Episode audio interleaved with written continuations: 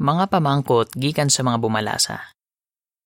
Suno sa ikaduwang Samuel 21, 7 hasta 9, naluoy si David kay Mephiboset. Pero nga nagsiling man ini nga nagpasugot siya nga patyon si Mephiboset. Ginpamangkot ini sang iban sang nabasa nila ini nga kasaysayan. Pero ginsambit sa sini nga teksto ang duha ka tawo nga may pareho nga ngalan nga Mephiboset. May matun-an kita kung binagbinago naton ang natabo sa ila.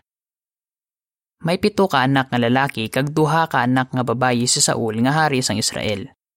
Si Jonathan ang iya suba nga lalaki. Sang ulihi, nagbunag sing anak nga lalaki ang babayi ni Saul nga si Rispa, kag ginngalanan nila siya nga Mephiboset. May anak man si Jonathan nga ginngalanan niya nga Mephiboset. Gani may anak kag apo si Hari Saul nga may pareho nga ngalan nga Mephiboset.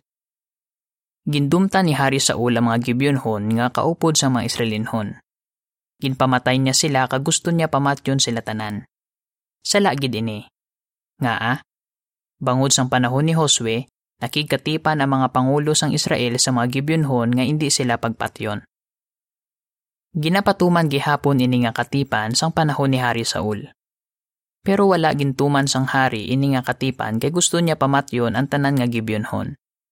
Bangod sini, nakasala si Saul kagang iya panimalay.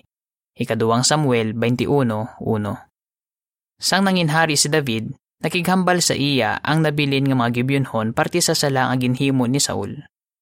Ginpamangkot sila ni David kung ano ang gusto nila nga himuon niya para mabayaran ang malain gid nga ginhimo ni Saul kag para pakamayuhon ni Jehova ang duta sang Israel. Wala nagpangayo usang kwarta ang mga Gibeonhon. Sa baylo, Ginpangabay nila nga itugyan sa ila ang pito ka nga lalaki sang tawo nga nagplano nga papason sila. Kagpatyo nila ini nga mga lalaki. Nagsugot si David sa ila ginpangabay. Ikaduwang Samuel 21, 2 hasta 6. Patay na sadto si Saul kag si Jonathan kay napatay sila sa inaway. Pero buhi pa ang anak ni Jonathan nga si Mephiboset. Napiang siya sang bata pa siya kay nabuyan siya sang iya yaya kag inosente siya sa ginhimo sang iya lolo nga pagpatay sa mga Gibeonhon. Nanginsuod nga mag-abyan si David kag si Jonathan kag nakigkatipan sila sa ila pag-abyanay. Nakabenepisyo sa sini nga katipan ang mga kaliwat ni Jonathan lakip ang iya anak nga si Mephiboset. Nagsiling ang Biblia. Naluoy ang hari nga si David kay Mephiboset nga anak ni Jonathan nga anak ni Saul tungod sa ginpanumpa ni David kag ni Jonathan nga anak ni Saul sa ngalan ni Jehova. Ikaduhang Samuel 21.7 Gani, anong ginhimo ni David? Gintugyan niya sa mga Gibeonhon ang duha ka anak ka lalaki ni Saul nga angalan sang isa amo si Mephiboset. Gintugyan man niya ang lima ka apo nga lalaki ni Saul. Paagi sa ginhimo ni David, nadula ang malain nga epekto sa duta sang Israel nga resulta sang sala ni Saul.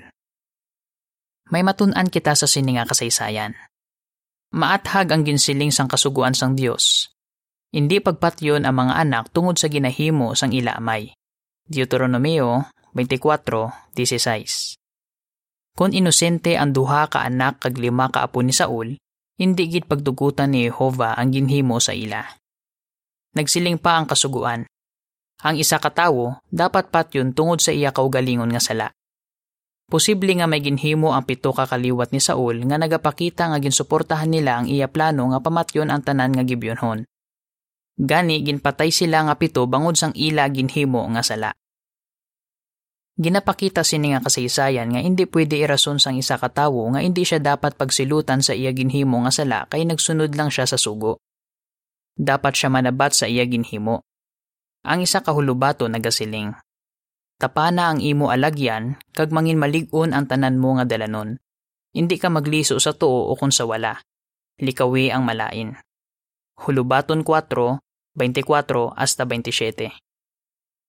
Diri natapos ang artikulo.